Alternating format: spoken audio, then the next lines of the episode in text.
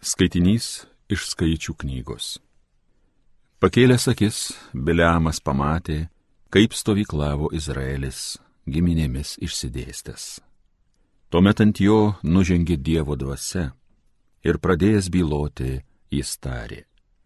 Tai sako Beoro sūnus Biliamas, tai sako žmogus, kurio akis užmerktos. Tai sako tasai, kuris girdi viešpaties bylą kuris mato visą galių regėjimą, kuris štai guli visai praregėjęs.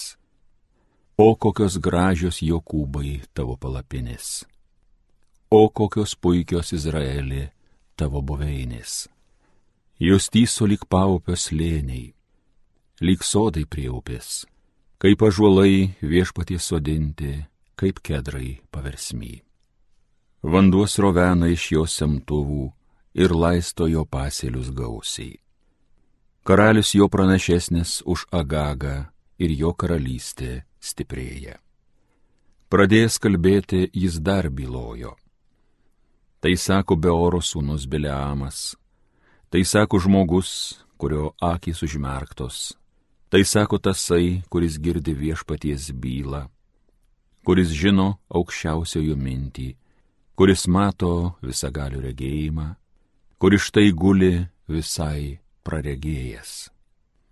Aš jį matau, dar ne dabar. Aš jį regiu, bet dar iš tolo. Žvaigždė patekės Jokūbo ir skeptras kils iš Izraelio.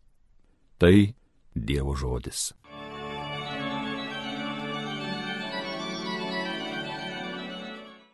Viešpatie, išmokyk mane takais tavo eiti. Parodyk man viešpatie savo į kelią, išmokyk mane takais tavo eiti. Vesk mane savo tiesa, tu mane lavink, juk tu esi mano gelbėtojas ir Dievas. Viešpatie, išmokyk mane takais tavo eiti. Viešpatie, atsimink, kad esi maloningas, atmink nuo pradžios, kokią meilę man rodėjai. Užmiršk mano jaunystės kaltes, nedorybės, atmink mane dėliai savo gerumo. Viešpatie, išmokyk mane takais tavo eiti. Tiesus malonus yra viešpats, todėl įklystantiems kelią parodys, kukliųjų mintis kreips į tiesą, savo keliu mokys eit nuolankiuosius. Viešpatie, išmokyk mane takais tavo eiti. Alleluja, alleluja, alleluja. Parodyk viešpatie mums savo gerumą, suteik išganingą pagalbą. Alleluja.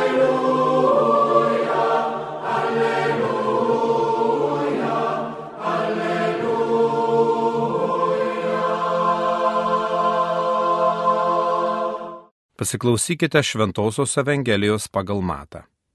Kai Jėzus atėjo į šventyklą ir pradėjo mokyti, prisertino prie aukštųjų kunigų ir tautos seniūnų, kurie klausė, kokią galę tai darai? Kas tau davė šią galę? Jėzus atsakė, ir aš noriu jūsų paklausti vieno dalyko. Jei man atsakysite, ir aš jums pasakysiu, kieno įgaliotas tai darau. Iš kur buvo Jono krikštas? Iš dangaus ar iš žmonių. Bet jie samprotaudavo.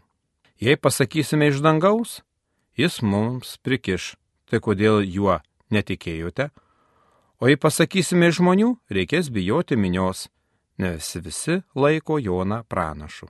Todėl jie atsakė Jėzui, mes nežinome.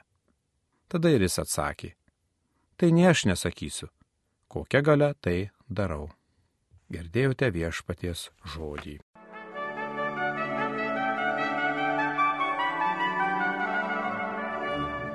Mili broliai sesės Kristuje.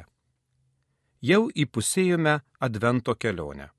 Vakar šventėme trečią sekmadienį, tradiciškai vadinamą džiaugsmo sekmadieniu.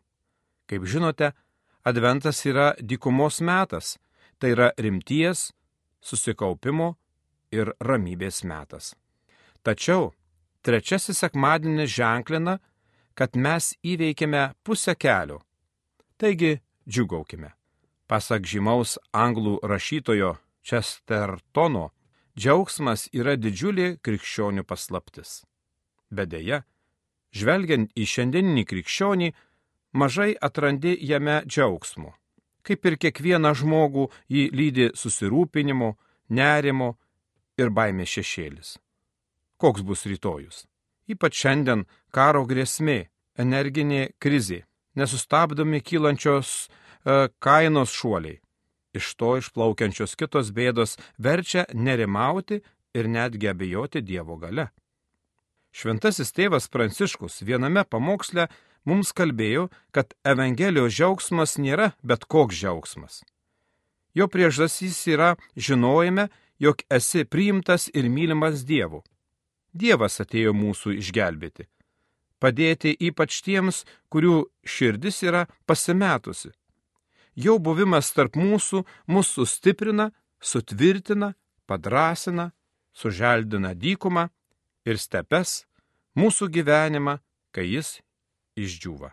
Apaštalas Paulius tvirtina ir tvirtai patvirtina tuo, tikėdamas įkalintas Romoje.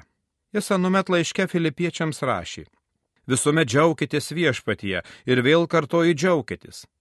Taigi paštalas ragina mus visada džiaugtis viešpatyje, nes jis yra džiaugsmo, ramybės ir laimės šaltinis. Dar norėčiau pacituoti 20-ojo amžiaus tėvo jezuito Alfredo Depo mintį iš jo užrašytų nacijų Berlyno kalėjime. 1949 metais laukdamas mirties nuosprendžio įvykdymo, jis rašo apie džiaugsmą. Štai trumpa ištrauka. Kas yra tikrasis džiaugsmas? Filosofai sako, kad tai pasitenkinimas ir pakili nuotaika kylanti iš to, jog gali naudoti savo gerybėmis. Galbūt tai yra vienas džiaugsmo aspektų, bet netikras džiaugsmas. O kaip aš galiu džiaugtis savo situacijoje? Ar man apskritai verta apie džiaugsmą galvoti? Ar jis nėra vienas iš tų prabangos dalykų, kuriems karo metu nebėra vietos? Tuo labiau kalėjimo kameroje, kur gali žengti tik tai keletą žingsnių, esi surakintas rankomis, o galva pilna rūpeščių ir klausimų. Ar tai gali būti džiaugsmas? Tačiau šitokia situacijoje širdį staiga užlieja neapsakoma gyvenimo ir laimės srovė. Netikėtai ir nežinia, kodėl pradedi suvokti, kad vėl imi iš Dievo malonę. Ir ime galioti visi Dievo pažadai. Ir širdį užlieja jau tada vėl džiaugsmas. Taigi, tegul šios mintys pakėlėja mūsų širdis lyg dangaus, suteikia drąsos nugalėti niures mintis, kurios taip aprėmusios mus visus ir su pasitikėjimu žvelgti į ateinantį mūsų išganytoją Jėzų Kristų, kuris atneša džiaugsmą. Mili tikintieji, nors gyvename kūdikėlio Jėzaus išgimimo laukimo laike, šios dienos Evangelija pagal matą nukelia į paskutinėsias Jėzaus žemiško gyvenimo dienas. Evangelija prašo pirmasias dienas Jėzui atkeliavus į Jeruzalę, kai jis iškilmingai ant asilaičio įjojo į Jeruzalę. Sujudo visas miestas ir klausinėjo, kas jis toksai. Minė jį sutiko džiaugsmingai, tuo tarpu aukštieji kunigai ir tautos seniūnai nei juokais sunerimu. Nes Jėzus pirmiausia atėjęs į šventyklą, išvarė visus prekiaujančius ir perkančius šventykloje, išvartė pinigų keitėjų stalus bei karvelių pardavėjus, jų suolus ir tarė jiems. Mano namai vadinsis maldos namai, o jūs pavertėjote juos plėšikų lindynę. Ir štai rytojaus dieną Jėzus vėl ateina į šventyklą ir pradeda mokyti. Prie jo prisertino žydų elitas ir klausė, kokią galę tai darai, kas tau davė šitą galę. Kol kas neaišku, kokiu tikslu jie tai paklausė Jėzaus. Žinia, ką jie būtų darę, jeigu gautų tiesų Jėzaus atsakymą. Tačiau Jėzus nesiuošė jiems atsakyti, bet pats pateikė gana suktą klausimą, į kurį žydai nepaėgė atsakyti. Jie te pasakė, mes nežinome. Tad ir jis atsakė, tai ne aš nesakysiu, kokią galę tai darau. Manau, ne vienam kyla klausimas, kodėl Jėzus vietoje atsakymo pats uždavė klausimą. Ar ir mums dera bijoti klausti Dievo, nes galim susilaukti panašaus atsako? Mėly tikintieji, Jėzus girdi ne žodžius, jis mato žmogaus širdį. Jis suprato, kad šventyklos vadai klausia ne todėl, jog jie nori nuoširdžiai sužinoti. Jie neieško tiesos, jiems nereikia tikro atsakymo, jie patys jaučiasi Dievo žodžio šventyklos ir įstatymo šeimininkais. Jie jaučiasi pranešesni už Jėzų, kuris išdryso juos mokyti, kritikuoti ir netgi parodyti jų nuodėmes bei pasipūtimą. Jie atėjo ne pasiklausyti Jėzaus mokymo, bet prigauti jį kalboje, nes jiems reikia įkalčių, kad ateityje galėtų su juo susidoroti. Mesgi galime klausti Dievą visko, apie viską ir visaip, jei tik mūsų intencija bus nuoširdi ir tyra. O kad tai būtų, pirmiausia turim išmokti nemeluoti savo ir kitiems, nevaidmainiauti, nesistengti atrodyti gražiau, nei esame iš tikrųjų savo sieloje. Stodami Dievo akivaizdoje, visada atsiminkime, kad jis mato kitaip nei žmogus. Žmogus žiūri į išorę, bet viešpat žiūri į širdį. Skaitome pirmoje Samuelio knygoje. Taigi, brangieji, gyvename apsupti netikinčių ir skeptiškų pasaulyje žmonių tarpe. Vartojiškoji kultūra išjuokia mūsų šiandien tikėjimą. Tai skatina mus gintis ir bandyti įrodyti savo tiesas. Bet atsiminkime, kad mes patys negalime priversti žmogų įtikėti. Tai Dievo dvasios darbas. Tik skelbdamas Jėzaus Evangelijos, tik jos gale gali pakeisti žmogų iš nusidėlio net ir į šventąjį. Taigi šios dienos mąstymą baigsiu pirmojo popiežiaus Švento Petro mokymu. Jei kas kalba, te kalba kaip Dievo žodžius Jei kas tarnauja, tegul tarnauja pagal Dievo teikiamus sugebėjimus, kad visuose dalykuose per Jėzų Kristų būtų pašlovintas Dievas. Jam šlovė ir valdžia per amžių amžius. Linkiu, brangieji, iki kalėdų pasiruošti šiai gražiai šventėjai, pirmiausia atkreipdami dėmesį į savo sielos reikalus. Amen.